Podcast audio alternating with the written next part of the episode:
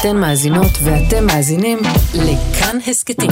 כאן הסכתים, הפודקאסטים של תאגיד השידור הישראלי.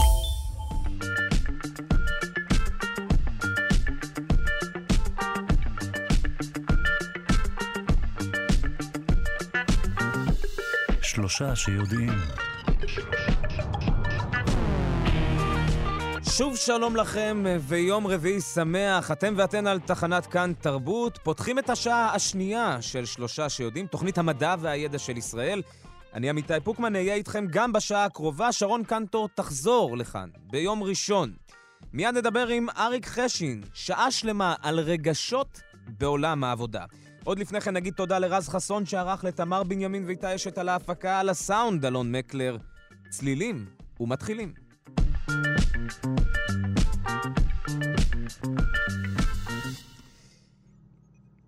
הנה הגענו לשעה השנייה ולשיחה השבועית שלנו. הפעם אנחנו מארחים באולפן את דוקטור אריק חשין, הוא ראש החוג לשירותי אנוש וראש המעבדה לחקר רגשות בארגונים באוניברסיטת חיפה. בוקר טוב לך. בוקר אור.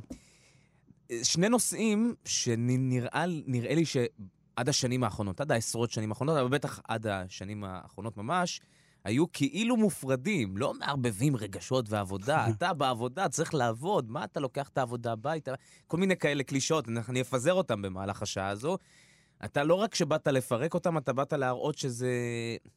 זאת הייתה הונאה, שניסינו להפריד אה, בין רגשות ועבודה. לגמרי. כל עוד אה, אנחנו, בני האדם, מגיעים לעבודה, אז אה, אנחנו מביאים אותנו לתוך העבודה, וזה כולל גם את הרגשות שלנו.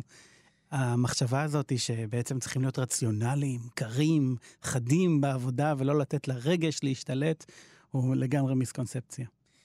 בוא נתחיל קודם כל איתך. דוקטור אריק חשין, מאיפה אתה מגיע אלינו? מגיע מאוניברסיטת חיפה, מהחוג לשירותי אנוש, אה, בפקולטה לרווחה ובריאות. אה, כיום ראש החוג, ובעיקר מנהל את המעבדה שלי לחקר רגשות בארגונים. איך מגיעים, אה, אה, רגע, מה תחום העיסוק המקורי? זה... אז אני פסיכולוג ארגוני. פסיכולוגיה ארגונית. Mm-hmm. איך מגיעים לפסיכולוגיה ארגונית? זה נראה לי כמו איזה תת-קטגוריה בתוך פסיכולוגיה. זה אפילו איך מגיעים לאקדמיה. איך מגיעים לאקדמיה, אוקיי. באיזשהו מקום, אני ידעתי איפה אני רוצה ללמוד בתואר הראשון שלי, לא ידעתי מה אפילו. אה, ופשוט הגשמתי חלום, הלכתי ללמוד באוניברסיטת מישיגן, איפה שאימא שלי למדה, ודודה שלי, ודוד שלי, וסבא וסבתא גרו לא רחוק, והתמזל מזלי ויכלתי להגשים את החלום וללכת ללמוד שם תואר ראשון. אה, ואמרו לי, מתאים לך פסיכולוגיה. ואמרתי, וואלה, מעניין. ואז אה, באמת מהר מאוד דחפו אותנו למחקר, ונחשפתי למחקר מגוון שכלל פסיכולוגיה קוגנטיבית, פסיכולוגיה חברתית, פסיכולוגיה ארגונית. והבנתי שארגונית הכי מעניין אותי, ומחקר זה מגניב לאללה. וואו, נראה לי זו הפעם הראשונה שאני פוגש בן אדם שמתחיל לעסוק בפסיכולוגיה ולא רוצה לשבת ולטפל, אלא מחקר ועוד ארגונים. כן. באיזה כן. שלב מגיע הארגונים? הרי מה, ראשון, תואר ראשון זה בטח כללי כזה, כן, נכון? כן, מאוד כללי. בעצם המעבדה הראשונה שעבדתי בה הייתה על FMRI, והכנסנו אנשים לתוך הטוב, זה היה נראה לי מגניב, ובעצם ניסינו לראות מתי שמקבלים החלטות על אה, לשנות את ההחלטה שלך, ואתה צריך לבחור כל מיני דברים, מה קורה במוח ואיפה זה נדלק. אמרתי, וואי, מעניין, אבל זה, זה מעניין מאוד, מגניב לארגן את המחקר, להמציא ניסוי, לראות איך הוא פועל, לבדוק את התוצאות. מאוד אהבתי את הרעיון הזה. ולאט לאט משם התגלגלתי אחר כך למעבדה אחרת, שהיה כבר עבודה קבוצתית, ומה קורה בעבודה קבוצתית, ואיך זה משפיע אחד על השני, והחלטות של קבוצה, ואמרתי, וואי, זה עוד יותר מעניין. וככה בעצם הגעתי אחר כך לנושאים שונים, לפי הקורסים בעצם, והבנתי שמעניין אותי מאוד בעצם כל האינטראקציה של האדם בארגון, בעבודה, במקום העבודה, אינטראקציה בין אנשים, אה, ומשם התגלגלתי. ואני רוצה שאולי רגע קצת נתקדם לכיוון אה, המעבר מארגון לעבודה אולי, mm-hmm. כי ארגונים, אני מניח שכשמתעסקים בארגונים, לא רק מתעסקים בארגונים יצרניים, אלא גם בקהילות, ב... כן, כן. כלומר, יצורים חברתיים, החל מה, מהמשפחה, מהתא המשפחתי הקטן. איך מתמקדים דווקא בעבודה? אמ, מה הדלק? מה הדלק, אוקיי. אז בעצם זה, זה אחד מהדברים, אנחנו עושים את זה ביום-יום. אני, אני אספר פשוט, אפילו בתור uh, קוריוז איך התחלתי לגמרי, אז אהבתי מאוד את המחקרים, אז הייתי אפילו משתתף במחקרים. והגעתי לאיזה מחקר אחד בתור משתתף נאיבי, ובעצם עבדנו על קבוצות וירטואליות. אני לא ידעתי שבאמת יש עוד אנשים בחדר שאני עובד איתם, הכניסו אותי לחדר בספרייה, ואמרו, יש עוד אנשים בקבוצה פה, ואתה עובד איתם ביחד, ואתם צריכים לקנות, למכור אחד מהשני. ובעצם כל החשיפה הזאת היא כאילו מאוד הייתה לי מעניינת, ואז מגיעים לחדר ומגלים שכולם ביחד ועובדים ביחד. הייתה פה דינמיקה מאוד uh, מעניינת עם מי עבדתי ואיך הם הגיבו לי ומתי הגבתי. ובעצם uh, מפה נפתחה מין, נפתח איזה צוהר כזה של uh, וואו, איזה מעניין זה מה שקורה לאנשים שעובדים, ואז אפשר להסתכל על הביצועים שלהם ועל השיתוף פעולה שלהם, ואיך הם עובדים ביחד, uh, וזה בעצם ריתק אותי. מה מתחילים לקרוא כשמתעסקים בעולם העבודה? זאת אומרת, מה הבסיס שממנו הרקע התיאורטי, או אני לא יודע, כנפי הענקים שעליהם נשענת. אמ, זה הגיע קצת יותר מאוחר. בהתחלה באמת בועז שמיר, אני יושב באוניברסיטת מישיגן, פתאום יש מחקר של בועז שמיר על הצבא הישראלי ואיך ממיינים עובדים, איך ממיינים חיילים, איך אה, מחליטים מי יהיה קצין, או איזה קצין יותר טוב לפי ההדרכה, ופתאום, וואו, אפילו באוניברסיטת מישיגן אה, קוראים עבודה של חוקרים ישראלים, בוא נגיד ככה. Mm-hmm. אז זה, התחלת הדרך הייתה מאוד כזאת, וואו, מחקרים ספציפיים שמרתקים.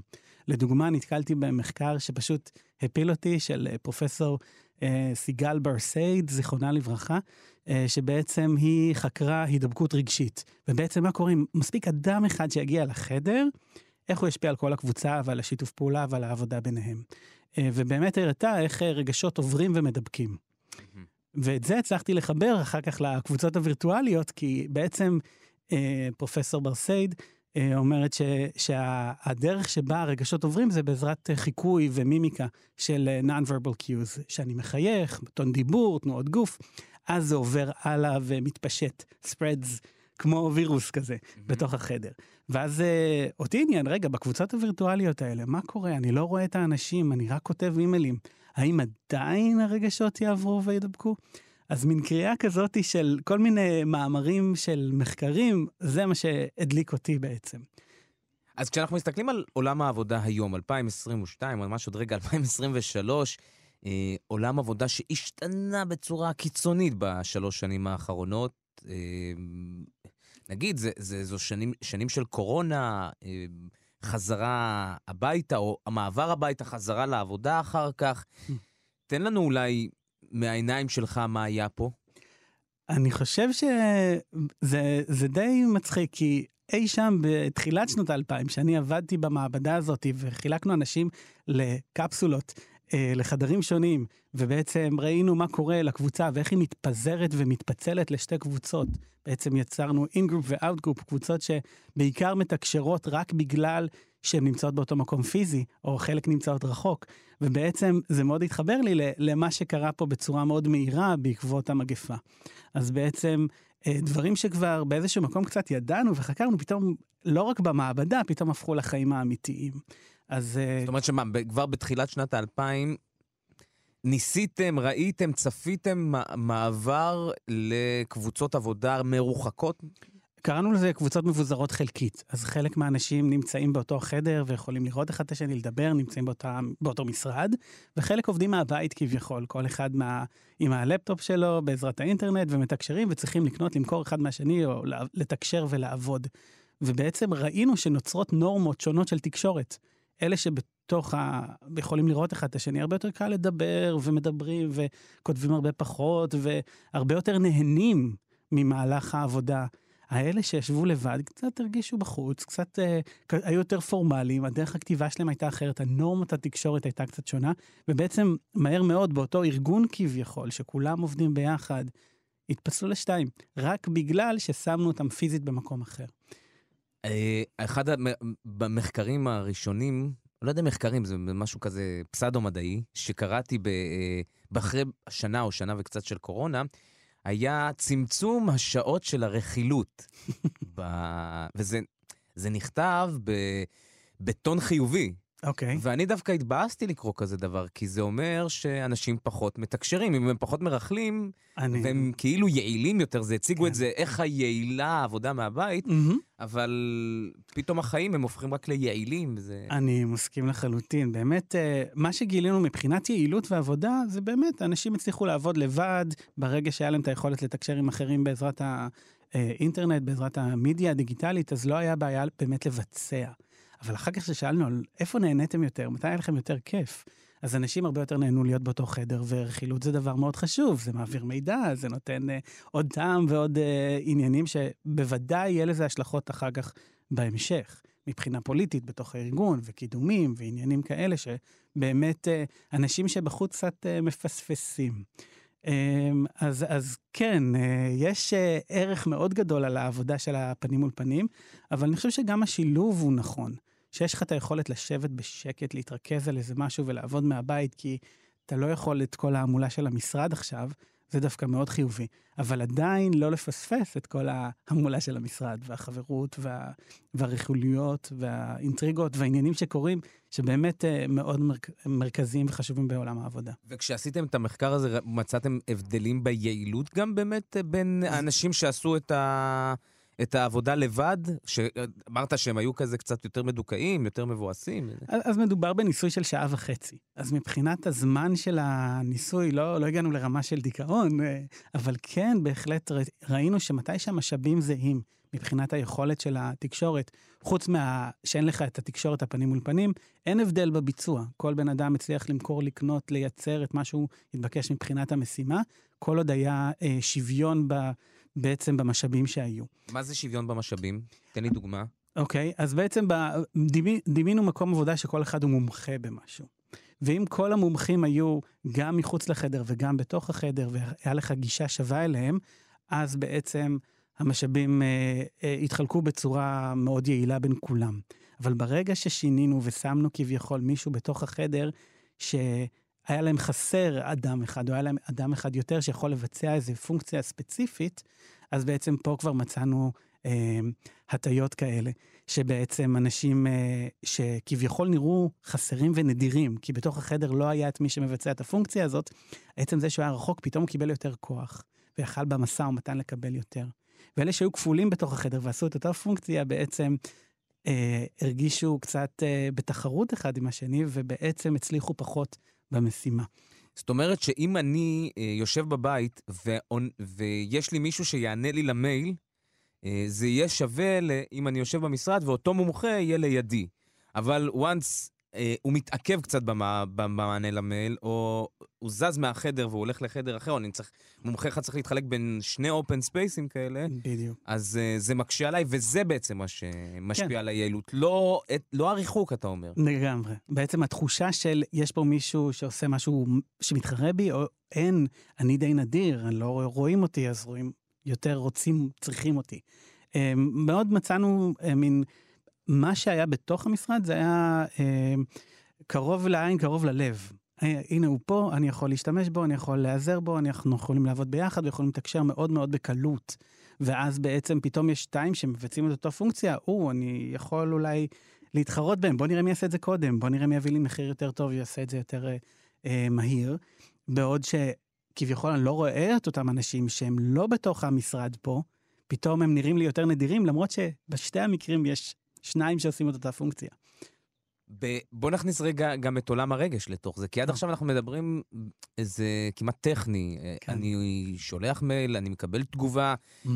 אפילו הרגש התחרות הוא כמעט היה טכני, ב... אה, כי זה כאילו מייעל אותי או, או, או מפחית את ה... זה. אבל יש עוד רגשות שנכנסים למשוואה הזאת, גם בין uh, פירס, בין קבוצת השווים, וגם בין uh, uh, ממונה או איש או מומחה. בהחלט. Uh, בעצם זה קצת מחזיר אותי לסיפור הכרונולוגי גם. Uh, אני ישבתי באוניברסיטת מישיגן, הייתי במעבדה לחקר uh, התנהגות במנהל עסקים, ופתאום מגיעה מרצה מהטכניון, פרופסור ענת רפאלי. ואני כזה, וואו, uh, מגיעים מקום שאני יכול לחזור הביתה אחר כך, ובאמת ענת חושפת אותי לעולם הרגשות בארגונים, שזה משהו ש... וואו, כאילו, בפעם הראשונה הופתעתי קצת ש... שאפשר לחקור כזה דבר רך כביכול. אה, ומפה בעצם לקחנו את אותו פרדיגמה של הקבוצה המבוזרת הזאתי, ורצינו באמת לבדוק, אה, לפי המחקרים של אה, ברסייד, את כל העניין הזה של ההידבקות רגשית. בעצם לראות מה קורה עם הטקסטים האלה. אני כותב הודעה של אוף, קדימה, יאללה, כמה זמן לוקח לך? מה, מה קורה? או איזה כיף לעבוד ביחד, איזה יופי. אמ, ואז באמת השאלה שלנו הייתה, האם זה יספיק, האם זה יעבור לכל הקבוצה, האם זה ישפיע על הדינמיקה שקורית בקבוצה, על הרגשות שלהם, על התחושות של האנשים שהגיעו למעבדה, וזה באמת מה שעשיתי במאסטר אחר כך בטכניון, אמ, ומדדנו בעצם את הרגשות של האנשים לפני שהם התחילו באינטראקציה הזאת ואחרי, וראינו שמספיק אדם אחד בודד בתוך החדר שמתחיל לשלוח הודעות, וכולם יוצאים ונדבקים ברגש הזה. וזה משנה מה הסדר שלו בהיררכיה? אז במקרה הזה, כולם היו שווים. שוב, המשאבים שדיברנו עליהם קודם, אז כולם היו שווים במקרה הזה, ולא מצאנו הבדל פה. מה שכן מצאנו, שאנשים התחילו לשלוח הודעות גם בלי אותו בן אדם. הוא רק הצית איזה גפרור ופתאום זה התפשט לכולם. אם חוזרים למגפה אז אולי כמו קורונה, כאילו, mm. הראשון שמתחיל ואז פתאום זה מדבק בלי קשר אליו. זה אקספוננציאלי. לגמרי. הרגשות. לגמרי, לגמרי, לגמרי. אה, ובמחקרים אחרים באמת כבר הסתכלנו על היררכיה. אה, הסתכלנו לדוגמה על אה, מאמן ספורט. האם המאמן והרגשות שלו יכולים להשפיע על, ה, על השחקנים, על התפיסה שלהם, של איך הם מבצעים, ובסופו של יום גם על הביצוע שלהם. עכשיו, זה בעצם אומר שאם אני כ... אפילו, אני, לא, אני לא אסתכל רגע על זה כמנהל, אלא קבוצת שווים, אם אני מחליט על סוג תקשורת מסוים ומייצר אותה, רגשית כמובן, כי אה, נגיד סתם, להגיד מזל טוב בקבוצה, אה, לחגוג mm-hmm. יום הולדת ב open space, אה, אתם מוצאים שזה מדבק, אבל יש כאלה שלא נדבקים. גם לא כולם אומרים מזל טוב בתוך קבוצת הוואטסאפ, לא כולם אה, אה, אומרים בוקר טוב. אז באמת יש נורמות של, אה, של התנהגות, ובעצם uh, בקבוצות שאנחנו יצרנו, שבאמת uh, פשוט הגיעו רנדומלית סטודנטים, מצאנו שמספיק האדם הזה שיתחיל לכתוב בעצבים או, בס, או בשמחה והתלהבות, שאנשים אחרים יתחילו לכתוב את זה גם לאנשים האחרים. אז יכול להיות שהוא לא כתב מזל טוב, אבל יכול להיות שזה קצת עשה לו איזה משהו בלב, והוא הרגיש קצת יותר טוב, והוא יודע שיש פה צוות שתומך ו... ועוזר אחד לשני, ויכול להיות שזה יגיע אחר כך. כמובן שיש הבדלים בין אישים, יש אנשים שהם יותר אקספרסיביים, יש כאלה שפחות. אבל בגדול אנחנו כן רואים ברמת הקבוצה, גם כל האווירה של הקבוצה בכלל השתנתה רק בגלל אותו אדם. רגע, נעשה עצירה על, אה, על מה קורה בתוך הקבוצה. אני רוצה עכשיו לקחת מה קורה בתוך המחקר. איך חוקרים את זה? זה הרי בסוף אה, רק אה, מחקר שבו אני מתאר את החוויה, נכון? אוקיי, okay, אז, אז אני אתן דוגמה. אז במחקר הזה הספציפי, היו לנו כמה מקורות. היה מקור אחד בעצם של שאלונים. ביקשנו, אמרנו לאנשים, מה אתה מרגיש עכשיו, לפני שהתחלת את המחקר, ובסוף שוב, מה אתה מרגיש עכשיו, שאלון מתוקף, שמודד את הרגשות שלך, 1 עד 7, כמה אתה שמח, עצוב, כועס, אה, מרוגז וכדומה. זה מקור אחד. מקור אחר זה, שאלנו אותם על חברי הקבוצה שלהם. כמה החבר הזה, כמה החבר ההוא היה כועס, היה שמח. אז בעצם אנחנו מקבלים מין דיווח על האנשים האחרים. ואחר כך יש לנו גם את מה שהם עשו בפועל. אז יש לנו את כל הטקסטים שהם כתבו ושלחו אחד לשני. והבאנו את זה לשופטים חיצוניים, שבאו והסתכלו וקראו את כל הטקסטים והעריכו אותם, עד כמה הם היו חיוביים ועד כמה הם היו שליליים. אז יש לנו את ההתנהגות כביכול בפועל. ובעצם כולם העידו על אותו טרנד, על אותו דבר, בעצם שכולם אה, מביעים את אותן תחושות, מרגישים את אותן רגשות וחושבים שהחברים שלהם חשים את אותם דברים. אז בעצם היה פה את הכיוון גם של הבן אדם עצמו בדיווח, אבל גם שופטים חיצוניים אחרים שרואים את אותן אה, טענות. במחקרים אחרים אנחנו מסתכלים, אה, הרבה פעמים זה באמת שאלונים של דיווח עצמי, אבל אנחנו מנסים להוסיף עליהם עוד אלמנט נוסף.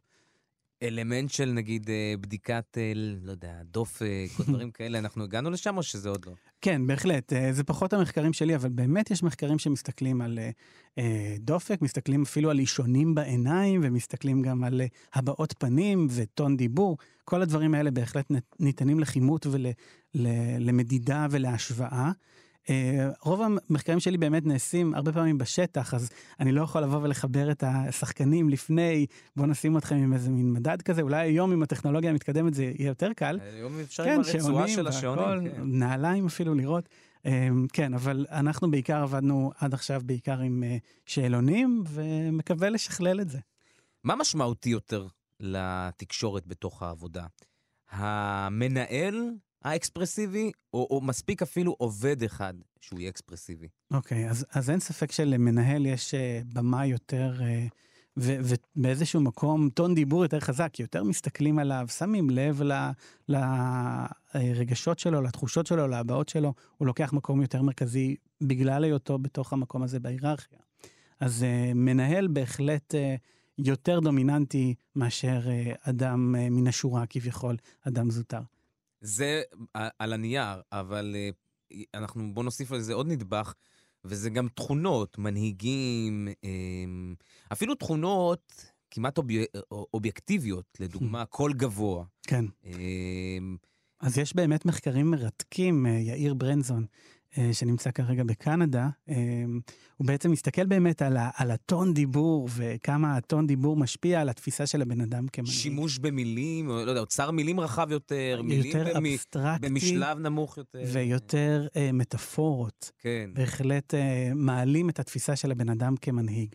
אבל חזרה למחקר שלנו, יש מחקר שעדיין לצערי לא התפרסם, אנחנו עובדים ביחד, אה, פרופסור גיל לוריה ואני, על מחקר שמסתכל על בעצם ויסות רגשות בתוך קבוצה.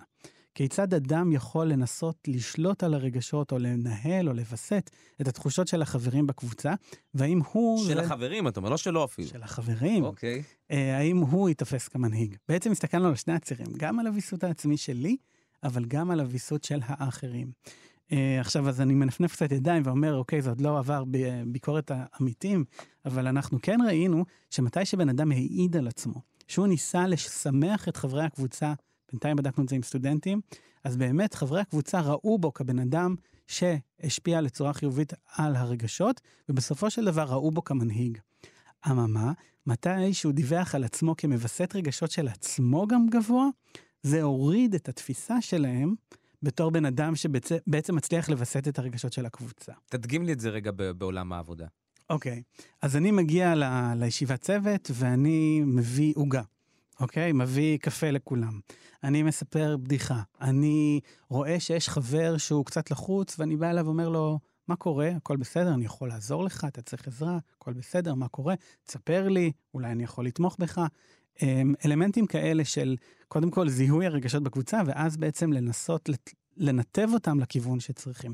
אנחנו מצאנו באמת על אה, רגשות חיוביים, זה הסטודנטים, סך הכל יש להם פרויקט, אבל אני יכול בהחלט לדמיין גם אה, רגשות שליליים פה שיכולים להיות מאוד טובים, בקטע של להלחיץ קצת את האנשים. תקשיבו, יש לנו משימה, יאללה, קדימה, תתעוררו. אה, או אלמנטים כאלה שיכולים בעצם אה, לתת רגשות, אנרגיה, תחושה. אה, לתוך האנשים בתוך הצוות על איך לפעול. אולי להרגיע באמת שהכל טוב, אפשר לשתף פעולה, ווואו, יש פה תמיכה ואכפת להם ממני, אז אני אשקיע יותר בקבוצה, אלמנטים כאלה. פה נכ- נכנס גם אבל עולם שבו אנחנו בעצם מתקשרים לא מעט אה, בשפה רשמית. אה, אמנם כשאנחנו יושבים פנים מול פנים, אנחנו מדברים אה, במשלב נמוך ו- ובשפה שהיא יותר אה, שכונתית, אבל אני פה דווקא אומר את זה לצד החיובי. כשאנחנו עוברים למיילים, אנחנו עוברים לשפה רשמית, ושם כבר אין מקום לרגש, או שגם שם מצאתם רגש? אה, קודם כל, בהחלט יש מקום לרגש, בין אם נרצה ובין אם לא, כמו שאני אומר מההתחלה, שמגיעים למקום העבודה ויש אנשים, אנחנו מתקשרים. זה, זה כמו בפרק בסיינפלד, שאיליין מתעצבנת שהוא לא כותב סימן קריאה כמו שצריך. ואיך היא יכולה לצאת עם מישהו שלא מסיים משפט בסימן קריאה? או שמסיים משפט בסימן קריאה. אז, אז את האמת לגמרי הסתכלנו על זה, אה, דוקטור יעל סידי ודוקטור אלה גליקסון ואני הסתכלנו באמת על סימני קריאה ספציפית וסימני שאלה אה, מרובים. ו, ושאלנו את האנשים, תגידו, מתי אתם משתמשים בשלוש סימני קריאה, כן? או, או מרבים עם סימני שאלה, באיזה מצב? אז האנשים מעידים על עצמם שהם עושים את זה כי זה לחוץ, זה דחוף, זה חשוב, זה מרכזי. ואז הפכנו את התמונה והבאנו לאנשים לקרוא הודעות. לקחנו הודעות אמיתיות ש, שהבאתי מסטודנטים שעובדים אה, ב, בעולם האמיתי, הודעות טקסט, כמובן אה, אי אפשר לזהות מאיפה וממי, וכאלה שבאו באופן טבעי עם הרבה סימני שאלה וקריאה, ולפעמים הורדנו אותם, לפעמים הוספנו אותם. ואז שאלנו את האנשים שקוראים אותם, תגידו, עד כמה זה דחוף? עד כמה זה חשוב? עד כמה הבן אדם הזה אה, competent, מוכשר, מסוגל לבצע את המטלות שלו. ומצאנו שדווקא ההיפוך קורה מתי שאנחנו שופטים את הבן אדם. שאנחנו רואים הרבה סימני שאלה, הרבה סימני קריאה, זה לא גורם לנו לחשוב שוואו, זה מאוד חשוב, אני חייב uh, לפעול מיד, זה גורם לנו לשפוט את האדם כפחות בשליטה, כפחות uh, מוכשר, כפחות מסוגל להתמודד עם המצב. אנחנו עושים את ההיפוך הזה ממה שאנחנו חושבים על עצמנו, שאנחנו משתמשים, אה, כי זה מצבי, זה דחוף. אבל כשאנחנו קוראים את זה, אנחנו אומרים, אה, לא, זה הוא או היא, כן? זה אישי. זה הופך להיות הם שלא מסוגלים להתמודד עם המצב. והמעבר ממייל, שהוא רשמי וזה, לתקשורת שהיא עדיין אלקטרונית, אבל היא פחות רשמית, כמו אס.אם.אס, וואטסאפ, בעיקר וואטסאפים, כן. ותכף גם נוסיף את הפיל שבחדר, וזה האימוג'י. כן. אה, המעבר לשפה שהיא סמי-רשמית, מהמם. ככה בא, אני מהמם. אולי ממציא, הוא- ש- הוא, אה, זה מעבר ש... שהשפיע גם כן על, על צורות עבודה? אין ספק, אין ספק. אמ, קודם כל, התקשורת הכתובה היא תקשורת דלה ברמזים לא ורבליים. אין לנו את האינטונציה, ואין לנו את תנועות הגוף, ואת הטון דיבור, והבעות פנים וכולי. אז בעצם מנסים לראות איך אפשר להעשיר אותה, לשים אה, דגשים אחרים. אז, אז המצאנו בזמנו אז את האימוטיקון כביכול, והיינו שמים את הסימן ש... נקודותיים ו... ו-, ו- אה, סוגר סוגריים וכולי, בשביל להכניס קצת יותר צבע או סימני קריאה ושאלה. אה, והיום הנה יש את האימוג'יז אה, כבר אה, לא מעט שנים. אוי, אני לא ידעתי שזה ההבדלים ביניהם. האימוטיקונים זה בעצם השימוש. בפיסוק לצורך יצירת כן, זה, כן. ואימוג'י זה, זה ההבדל ביניהם. אה, אז האימוג'י כן, הוא כבר בלתי אין, אתה לא צריך לייצר אותו, ויש לו אה, צבע ועוד אלמנטים לא רק רגשיים. ובאמת כל המטרה היא לנסות להעשיר את זה הטקסט שיר? אין ספק שזה שיר, או אבל שזה זה... דילל את הטקסט והחליף את זה באימוג'יז פשוט. זה הוסיף בלבול, בוא נגיד ככה, רגע, לפחות. הוא שלח לי לב, מה, הוא אוהב אותי? מה זה אה, אומר? מה היא רומזת? כן. כן, כן. אז, אז זה הכניס, אה, בניגוד לרגשות, שאנחנו בקלות מזהים ובקלות רואים ויכולים לאבחן רגשות של אנשים אחרים, לפחות חושבים שאנחנו מסוגלים, אה, שזה מגיע לאימוג'יז הרבה יותר אפור, הרבה לא ברור, יש ניואנסים כאלה, יש תפיסות שונות, אנשים רואים את הדברים בצורה אחרת. אבל מעבר לזה, זה גם לא ברור מה הם מייצגים. אז uh, במחקר שעשיתי עם uh, אלה גליקסון ופרופסור ון קליף, בעצם uh, הסתכלנו על, על משהו שעושים ברושם ראשוני. כשאנחנו נפגשים עם מישהו פעם ראשונה, אנחנו מחייכים. לחייך זה נהדר. זה גם מדבק, כמו שדיברנו עליו קודם, אבל זה גם גורם לך להיראות warm and competence, נחמד ובעל כישורים. אתה בטוח בעצמך, יודע מה אתה עושה, אתה נחמד, אני רוצה לעבוד איתך. מהמם. ואז אמרנו, אוקיי, היום התקשורת היא הרבה יותר, אה, פעם ראשונה שאתה מגיע לארגון, אתה לא מגיע פיזית פנים מול פנים, אתה כותב אימייל. אתה מקבל אימייל מהמנכ"ל, או אתה מקבל אימייל מהמזכירה, או אתה כותב לחברי הצוות משאבי שלך. אנוש. משאבי אנוש. אה, ואז בעצם, האם יש מקום, איך מחייכים בפעם הראשונה הזאת שאתה פונה? שאתה מגיש את הקורות חיים, שאתה מציג את עצמך בפני הצוות שאתה הולך לעבוד איתו. איך מחייכים שהכל כתוב? האם משתמשים בסמיילי? אמ, ובעצם Mm. בדקנו את זה וראינו שזה ממש, אה, סמיילי הוא לא חיוך, זאת המסקנה שלנו. אמ, ההשפעה של הסמיילי לא הייתה חיובית מבחינת אפילו כמה האדם נחמד, אבל היא הייתה שלילית מבחינת כמה הוא נתפס כמוכשר ובעל יכולות. מצאנו שבקבוצות אפילו לאותו אה, אדם ראשון שאומר, שלום, אני אהיה בקבוצה שלכם, איזה כיף יהיה לעבוד ביחד, בין אם זה זכר או נקבה, בין אם זה גבר או אישה, והם מוסיפים סמיילי או לא מוסיפים סמיילי, אחר כך התגובה שונה.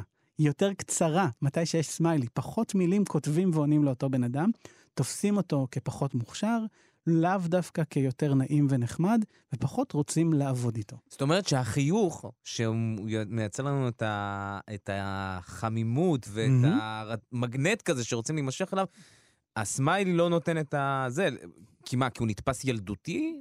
אז, אז נכון לתקופה שרצנו באמת המחקר, שיכול להיות שזה ישתנה עם השנים, אז באמת המנגנון מאחורי זה היה התפיסה שזה נחשב לא הולם. Inappropriate. זה לא מתאים במקום העבודה. למקום העבודה. זה לא מתאים, מתאים ל- למשהו רשמי שאנחנו הולכים לעבוד. ובאמת הראינו במחקר המשך, אה, באותה סדרה, שבאמת זה, מתי שזה היה על אירוע חברתי, social gathering, אתם פעם ראשונה באים לעבודה ואתם שואלים את הקולגות, רגע, אז איפה האוריינטציה החברתית, שיש איזה הרמת כוסית או משהו כזה? ואתה שם סמיילי, אז אתה נחשב, אה, הוא נחמד, הוא בסדר, אבל מתי שזה משהו שהוא יותר רשמי ממקום העבודה, גם אם זה הבוס, כן? זה עדיין נחשב כלא מתאים, ילדותי, מוזר, לא נאות, לא במקום, ואז אותו בן אדם נתפס כפחות מוכשר ופחות רוצים לעבוד איתו. אני ארשום לעצמי, אמיתי, תפסיק לשלוח הודעות עם סמיילי. אבל- רגע, זה רק ברושם ראשוני. אה, רגע, אמיתי, חכה, עצור, אולי צריך להמשיך, כן. אה, כן, אז, אז באמת בפעם הראשונה שאתה באינטראקציה עם אנשים, מאוד חשוב הנורמה. מאוד חשוב לראות מה כולם עושים. אחר כך עם הזמן כבר מכירים אותך, יודעים כמה אתה נחמד, יודעים כמה אתה מוכשר. אז הסמיילי כבר יהיה פחות, אה, אולי פחות אה, פוגע. זה באמת תלוי בנורמות. אם כולם שולחים לבבות ואימוג'יז והכול, אז אה, אל תהיה העוף המוזר. אבל אל תהיה גם זה שיתחיל את, ה, את הטרנד. אני אה, עברתי משתי עבודות בשנתיים האחרונות, והבאתי איזשהו נוהל של אה, כתיבת אה, אה, אה, טקסט מודגש. כשרציתי להדגיש משהו, אז אה, ש- שישימו לב, אז אה, לקחתי את הנוהל הזה, ואז כשהגעתי למקום העבודה הנוכחי, כתבתי למישהו אה, טקסט והדגשתי חלק ממנו, והוא כתב לי, אבל למה אתה צועק? בדיוק. כן, למה אתה כועס זאת אומרת שגם? בתוך העיר, כן, למה אתה כועס? למה... זה... אז החזרה בעצם למחקר ההוא שסיפרתי על הקבוצות הווירטואליות השונות, הם באמת יצרו נורמות של איך מתקשרים. אז כל ארגון מייצר את הנורמה שלו של מה כותבים. אה, האלה שהיו מרחוק הוסיפו הרבה יותר צבע וכתבו דברים שהיו קצת אולי רידנדנט, חזרו על עצמם, לא היה צורך באמת בהם. כל מיני אלמנטים נוספים שנותנים עוד צבע. מי שהיה בתוך החדר לא היה צריך את זה בכלל. אז הם היו מאוד קרים בתשובות שלהם. וגם כשהם כתבו לאנשים מבחוץ, הם נשארו באותה נורמת uh, תקשורת, ככה כותבים. אני כותב בצורה כזאת, אני לא משנה את התרבות שלי, את הנורמה שלי, שאני מתקשר עם מישהו אחר. ובאמת פה uh, זה יצר פילוג, יצר שתי קבוצות, יצר uh, מתחים. טוב, מי שמצטרף או מצטרפת אלינו עכשיו, אנחנו עם דוקטור אריק חשין, הוא ראש החוג לשירותי אנוש וראש המעבדה לחקר רגשות בארגונים באוניברסיטת חיפה. אנחנו מדברים אה, על שיחה מרתקת על, על רגשות בעבודה. דיברנו עד עכשיו על, על אה, תקשורת בין-אישית, גם ורבלית, שנעשית פנים מול פנים, גם תקשורת שנעשית דרך תיווך של אה, אה, אמצעי אה, מדיה כאלה ואחרים. אני, ועצרנו, עד עכשיו דיברנו על אימוג'יז, עכשיו יש ב, ב, בתוך סביבת העבודה גם את עולם הגיפים, שהוא נכנס, שאם סמיילי זה ילדותי, נראה לי גיף אחד, גיף זה נדבך ילדותי יותר כזה, לא? ממשיכים אה, הלאה, כן, כן, זה נתפס. מידרדרים אולי. אמ, אני נורא אוהב לדבר בגיפים. אני, אה, פעם מישהי אמרה לי, איכשהו אתה מצליח למצוא את הגיף המושלם להביע את מה שהייתי מדמיינת את הפנים שלך עושים. אז אני מניח שזה בעצם, אה, זה, זה עניין של זמן עד שאנחנו נדע באמת לדייק אותם. נגיד, אם לפני כן השני ידיים האלה ביחד, כולם לא הבינו מה זה, ועם הזמן... מתפלל, כיף, מה כן, זה? מה הם עושים? אה, ובעצם עם הזמן, ככל שנצבר יותר ניסיון ונורמה על מה זה מייצג ומה זה אומר, ויש מוסכמה חברתית והכול, אז מן הסתם זה יהיה גם יותר נפוץ ויותר קל, ובוא נגיד הילדים שלי, אם אני לא אשים סמיילי, אני אראה להם קר ומנותק. אז, אז באמת העניין הזה הוא באמת uh, תרבותי ומשתנה, ואני מניח שגם הג'יפים יהיה אותו דבר. עם הזמן זה ייראה יותר uh, uh, לא רק uh, נורמטיבי, אלא נדרש. מה קרה? למה לא שמת? מה אתה כועס? מה אתה עצוב? מה אתה מדגיש את הטקסט? מעניין, כי זה איזשהו מעבר, אתה יודע, עד עכשיו מסתכלים על ה... על ה... טוב, אולי זה בדרך כלל המבוגרים יותר, אבל הם מסתכלים על השימוש אה, גם באימוג'יס, גם בגיפים, כאיזשהו אה, קריאה של השפה מה... מהאנושות. אנחנו בעצם מצמצמים את, אה, את אוצר המילים שלנו. אבל אוצר המילים שלנו לא מעביר, מעביר את הבעות הפנים. עכשיו, אני בן אדם ש... אה, אה, שם, משתמש הרבה בהבעות פנים, כן. אני ארצה או לא רוצה, זה איזשהו משהו כמעט אינסטינקטיבי אצלי, ותמיד הרגשתי שהשפה צמצמה אותי, והגיפים דווקא פתחו לי צוהר ל- להעביר את אז כל ה... זה באמת חוזר לאושר המידע. אה, כמה אפשר להעביר בעזרת אה, טקסט כתוב, אה, תעבור לטקסט בכלל שהוא כתוב ולא סינכרוני, שאתה שולח, אתה לא יודע מתי הבן אדם האחר עובד, לעומת טקסט שהוא, טקסט שהוא יותר אה, סינכרוני, שאתה יכול להתכתב בוואטסאפ, אז באותו זמן אתה כותב את ההודעה, מקבל את ההודעה. אה, כל האלמנטים האלה מע- מעשירים ומוסיפים עוד אה, רמזים ועוד דברים, ובאמת, החוסר הזה בטון דיבור ובהבעות פנים והכל גורם לנו להוסיף עוד דברים בשביל לנסות לעדן את המסר, להדגיש את המסר, אה, להוסיף את כל הצבע הזה שרגשות והבעות רגשות אה, נותנים וחסר. עכשיו, זה מבזבז אבל הרבה זמן, אני מניח, אה, אה, לבחור את הגיף המושלם. אני יודע, רק החיפוש זה לוקח זמן, ואז אתה כבר הגעת ל... אוקיי, שנה טובה, אבל איזו שנה טובה אני רוצה? כן. מה היא... הוא קופץ מדי, הוא לא קופץ מדי. אה, אין ספק ש, שזה מוסיף פה עוד מורכבות ו, ונותן עוד משהו שהוא פחות אולי אה, טבעי, כמו שמגיע ברגשות. רגשות הם רגיעים, הם מגיעים בצורה מאוד אה, אוטומטית ואותנטית. ופה יש לנו זמן לעצור, לחשוב איזה רגש אנחנו רוצים להביע, איזה רגש הזה, אה לא, רגע, האימוג'י הזה לא בדיוק מתאים עכשיו. בעצם אולי זה נותן לנו יתרון קצת של שליטה, אבל באיזשהו מקום זה גם נותן לנו מסך. מסך שיכול לעזור לנו מבחינת האותנטיות. היום הרבה מהשירות, ויש לנו גם על זה מחקר, אה, מתחיל להיות בעזרת אה, צ'טבוטים. כן, זה כבר לא בני אדם. האם יש מקום להם להביע? לתת לי גיפים. כן, לתת לך סמיילי בסוף. כן. אה, או, אני מצטער לשמוע שזה מה שקרה בשירות שלנו, ושם איזה סמיילי עצוב. כמה זה ישפיע בעצם על כל מהלך השירות? מעניין. יש אה, הבדל בין, שוב, קבוצת השווים לבין שיח היררכי? אה, בעיקרון, אנחנו כן רואים ש, שההשפעה היא באמת אה, גדולה יותר ככל שעולים בהיררכיה על האנשים למטה, כי מסתכלים יותר ונותנים יותר משקל למי שבמקום אה, הרי גבוה. בסוף, אה, סמיילי וכל זה, זה הבעת רגש. כן. האם מנהלים ממעיטים בשימוש בגיפים, אם כשהם מדברים עם אנשים שמתחתיהם, עם... אה, אני בשלב זה הייתי ממליץ לנסות להימנע כמה שיותר מדברים שהם לא ברורים ויש להם אה, עמימות. אה, כמה משמעויות, כפל משמעויות, פתאום נשלח לב.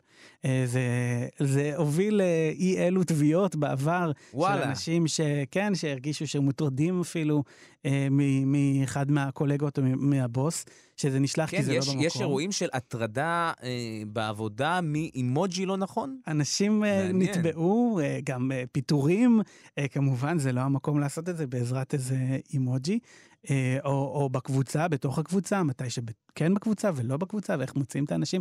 מכניס פה עולם שלם של מורכבויות, ניואנסים שצריכים מאוד לחשוב עליהם.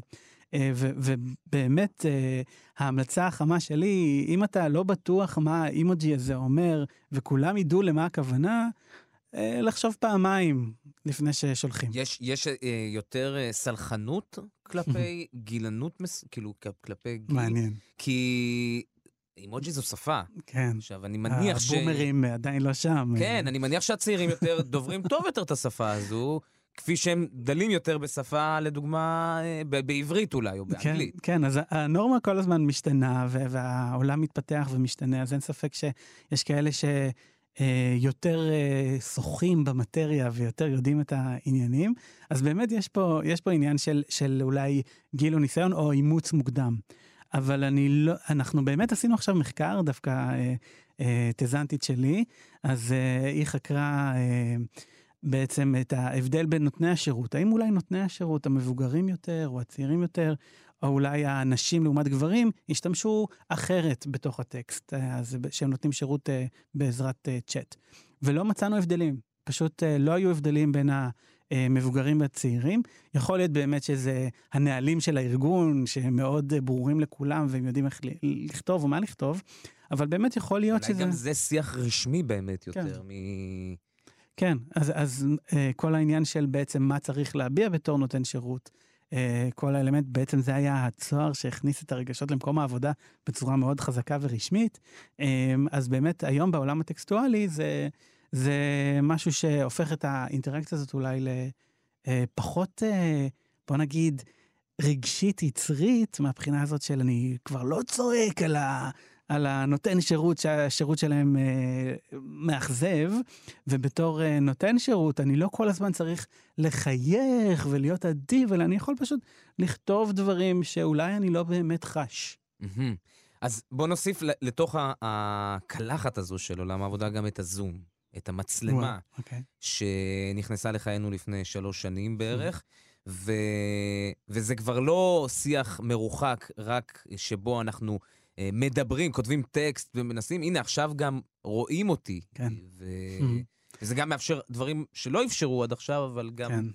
אז, אז יש מחקר שמדבר על אה, מה שנקרא זום פתיג, העייפות הזאת שנגרמת לנו בעקבות הזום.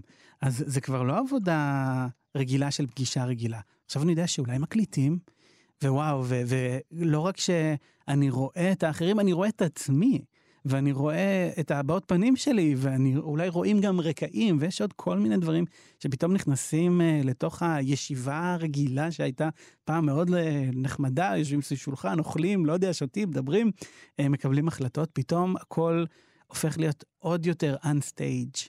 ו- ואיזה רקע יש לו, ומה קרה מאחורה, ומישהו הפריע לו, וגם אתה רואה את עצמך. אז מחקרים באמת מראים ש- שהעבודה הזאת היא, בפגישה שהיא בזום, היא עוד יותר שוחקת, מעייפת, מעמיסה על העובד, מאשר הפגישה הרגילה פנים מול פנים. כי אני צריך להיערך אליה מבחינת אה, אה, חומרה ו... יש הרבה יותר ניואנסים, אני עסוק בלראות, שומעים אותי? שומעים אותי טוב? איך אני נראה? וואו, אני רואה את עצמי פתאום, כשאתה מתקשר בדרך כלל, אתה לא Mm, רואה את נכון. הבעות הפנים שלך, זה יכול להיות מאוד מביך ומאוד מעסיק את האנשים. תאורה. כן, כן. אה, מעניין. עכשיו, אנחנו לקראת אה, פתח של אה, שנת 2023. לאן כל זה הולך? Mhm. אנשים, פגשתי במקרה אה, חבר בסוף השבוע שעובד בחברת הייטק ב- ב- ביוקנעם, שאלתי אותו, נו, כבר חזרתם אה, לעבוד? יומיים, אה, מי כן. שרוצה, יומיים זה. אנחנו חוזרים לעבוד ב... אני חושב ש, שהיופי זה, זה באמת טעמנו כביכול מהפרי האסור הזה של וואי, לעבוד עבודה מהבית. מהבית, כן. כן, והכל. ואנחנו רואים שוואלה, זה, זה טוב, יש לזה יתרונות, אבל יש לזה גם חסרונות. אני חושב שמה שיקרה עכשיו זה באמת השילוב. כי אני זוכר בת- ב- בחצי שנה הראשונה של הקורונה, אמרו, זהו, פילים לבנים. כל הבניינים, כן. חבל שבנו, אצלנו בנו אה, בניין חדש של NVIDIA. למה בניתם עכשיו? אפשר לעשות הכל מהבית. אבל הנה, זה לא ככה, לא זה- כצעקתה. נכון, אה, לא הייתי הולך לקיצוניות הזאת של כולם עובדים מהבית או שכולם חוזרים למשרד. אני חושב שבאמת האיזון הזה של, וואי, עכשיו אני צריך להתרכז, אני צריך, אה, יש לי משימה מאוד אה, אה, אינדיבידואל, אינדיבידואלית ספציפית שאני צריך שקט בו ואני צריך ריכוז ולא רוצה את ההמולה של, של האנשים, ווואלה, היום אני רוצה לעבוד מהבית, או החופש הזה, הרוגע הזה שאני יכול היום להישאר בפיג'מה ולאו Mm. דווקא להתארגן.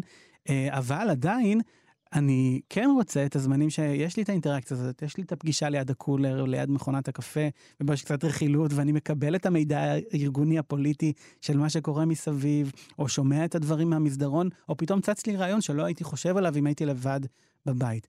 אז uh, אני חושב שהשילוב הוא הנכון, האיזון בין uh, שני הדברים. אבל זה מצריך ממני גם לחלק, אה, זה לא רק שבוע עבודה של פגישות, זה לא רק שבוע עבודה של משימות, אני גם עכשיו צריך להחליט איזו משימה אני לוקח לבית, בדיוק. איזו משימה אני משאיר אז במשרד. באמת לעשות את זה בצורה יותר אה, מושכלת ומחושבת, אה, שאני צריך את הפגישות האלה ואת האינטראקציה הזאת, ו- וקצת את ה...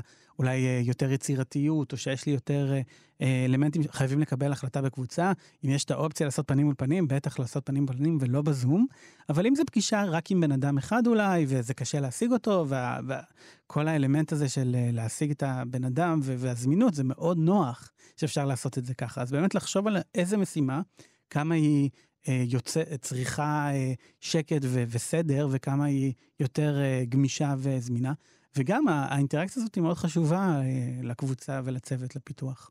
אני רוצה לשאול אותך, אנחנו ככה לקראת סיום, אבל תכף נגיע לכמה טיפים ככה חשובים.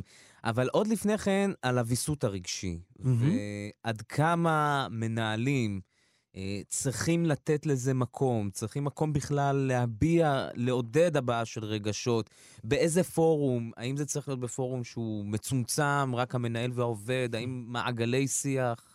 אז בעצם כמו שהתחלתי עם העניין הזה של אין מקום לרגשות במקום העבודה, או יש מקום לרגשות במקום העבודה. אני חושב רגע חזרה גם לכל העניין הדיגיטלי והתקשורת הזאת. אז בעצם אם לפני כן היה איזו תפיסה של וואי, זו תקשורת קרה, מנותקת, מרוחקת, בעזרת uh, מכשיר, בעזרת מחשב, לא רואים, לא זה, והכל, אנחנו מגלים שהרגשות הם נפוצים מאוד וקיימים אפילו עוד יותר בעולם הזה, המתוקשב והדיגיטלי והאינטרנטי והרשתות החברתיות, הרגשות אה, אה, הם חלק מאוד מרכזי מחיינו והם שולטים, והם יהיו שם. קודם דיברנו על סימן קריאה, אני זוכר שאפילו מישהו העיר לי על נקודה. מה אתה שם נקודה בסוף משפט? מה אתה צועק? כן, כן. אז, אז הרגש הוא שם, whether we like it or not, כאילו אין, אי אפשר להוציא אותו משם. וגם אם זה יהיה תקשורת אפילו מול בוט, אנחנו עדיין נתרגש ממנה ונתעצבן ממנה, או נהיה מאושרים מהתגובה, ו, וזה עדיין יישאר שם. מבחינת באמת הוויסות הרגשי, אז באמת אנחנו צריכים אה, לחשוב ולהיות מודעים לכוח ולהשפעה שיש לרגשות.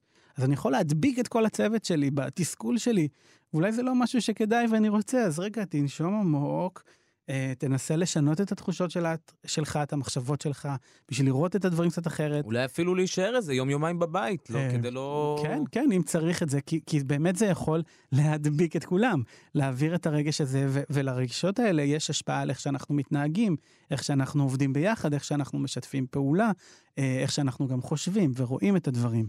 אז באמת, אה, כל העניין הזה של השליטה ברגש או הוויסות, אה, הוא, הוא מאוד חשוב.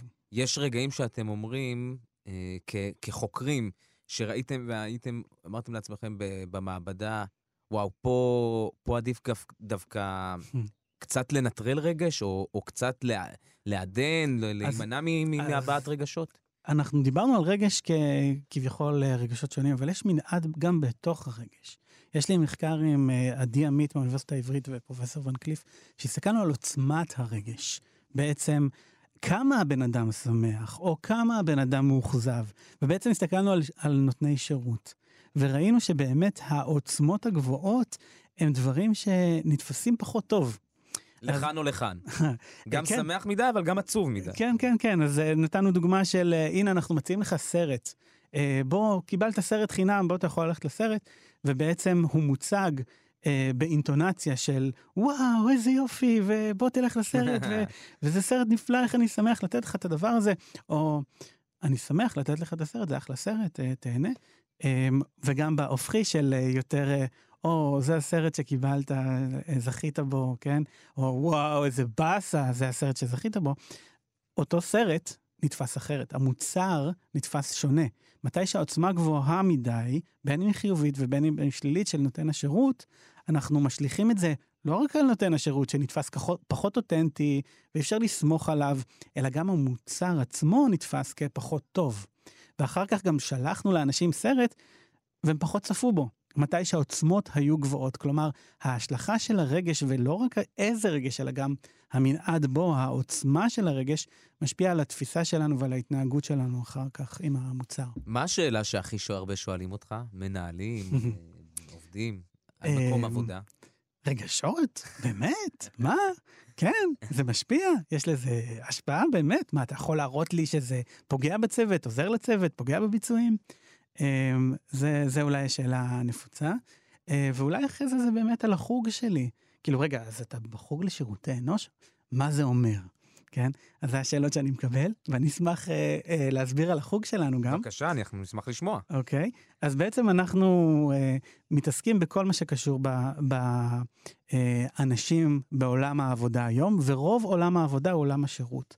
אה, זה הסקטור הכי גדול בעצם, גם של עובדים וכולנו לקוחות, אה, ובעצם אנחנו מסתכלים על כל העולם הזה, מבחינת הבנה של איזה צרכים יש לאזרחים, ללקוחות שלנו והכל, בשביל שנוכל לתת את השירות בצורה מיטבית, אבל גם שירות פנימי בתוך הארגון. אז אנחנו מדברים על ניהול משאבי אנוש, ניהול ההון האנושי, איך עובדים עם האנשים, איך מגייסים אותם, איך מקדמים אותם, איך מדריכים אותם וכדומה. אז אנחנו תחום אה, מאוד רחב אינטרדיסציפלינרי, ואני מאוד אה, גאה ושמח להיות אה, ראש החוג של ה... שגם השינויים בעולם העבודה, אני מניח, שולחים אתכם פתאום לעבוד עם החוג לתקשורת, נגיד, כל הסביבה של תקשורת המונים. אה, לגמרי, לגמרי. יש לי שיתוף. פעולה עם אפילו. פיזיותרפיסטית. וואלה. אז אנחנו מסתכלים על VR ו- ואיך אה, אפשר ללמד תנועה מוטורית, וכיצד רגשות של המדריך, בין אם הוא רובוט או בין אם הוא אדם, יכולים להשפיע על הלמידה המוטורית של, אה, של השחקנים. מעניין, טוב, אנחנו לא נשלח אותך לדרכך לפני שתיתן לנו, אני יודע, כמה טיפים מעשיים, מהמם. מי שהחזיק איתנו עד עכשיו, אז בטוח חייב לקבל אה, כמה דברים לקחת מהשיחה הזו. אוקיי, אמ, קודם כל להיות מודע לרגשות שאתה מרגיש, יש משמעות והשפעה על, על איך שאתה שופט את הדברים ואיך שאתה מתנהג, אבל לא לשכוח דבר מאוד מרכזי ברגשות, זה, זה ההיבט הבין-אישי. הרגש שלנו לא נשאר רק בעצמנו, בתוכנו, כמו המחשבות שלנו שאולי אנחנו יכולים להסתיר, לחשוב על דברים שונים, את הרגשות רואים, רואים, שומעים, מרגישים, גם אם זה בטקסט, גם אם זה בתקשורת דלה, ויש לזה השפעה. אז אולי אה, לחשוב פעמיים לפני שמתרגשים יותר מדי, או מצד שני דווקא לבוא עם הרגשות שיכולים לעזור, יכולים אה, לגרום לצוות להתגבש יותר, אולי להניע אותו קדימה, אה, ו- ויעזרו לכם. ולחשוב מאוד על הנורמות, כי יש פה הבדלים בין תרבותיים, יש הבדלים בתקשורת, יש אה, הבדלים בין ארגונים, על איזה רגשות אה, מתאים ומתי. אז להיות mindful, להיות מודע לתחושות ולרגשות ולהשפעה שיש לזה על השאר. וזה לא משנה אם אתה מנהל או עובד אפילו. גם כעובד אתה צריך... אה, גם כעובד, אבל על אחת כמה וכמה שאתה מנהל. דוקטור אריק חשין, ראש החוג לשירותי אנוש. ועכשיו גם הבנו מה זה. אה, וראש המעבדה לחקר רגשות בארגונים, זאת הייתה באוניברסיטת חיפה. שעה שלמה על רגשות בעולם העבודה, וזה נראה לי רק תחום ממש בתחילתו, ו- וככל שהטכנולוגיה גם מתקדמת ומאפשרת לנו קשרים שונים ומגוונים, אז אנחנו רק צריכים להמשיך ולחקור. אני רוצה להמשיך לחקור את עולם הגיפים והאימוג'ים, זה מ- מרתק. בשמחה. תודה רבה שהגעת לכאן. תודה, תודה. תודה לכם על ההזדמנות. זהו, עד כאן שלושה שיודעים ליום רביעי ה-28 בדצמבר. נגיד תודה לרז חסון שערך, תמר בנימין ואיתי אשת על ההפקה, על הסאונד היה אלון מקלר. אני עמיתי פוקמן, מודה לכם על ההאזנה. שרון קנטור תחזור לכאן כרגיל ביום ראשון. תודה, להתראות.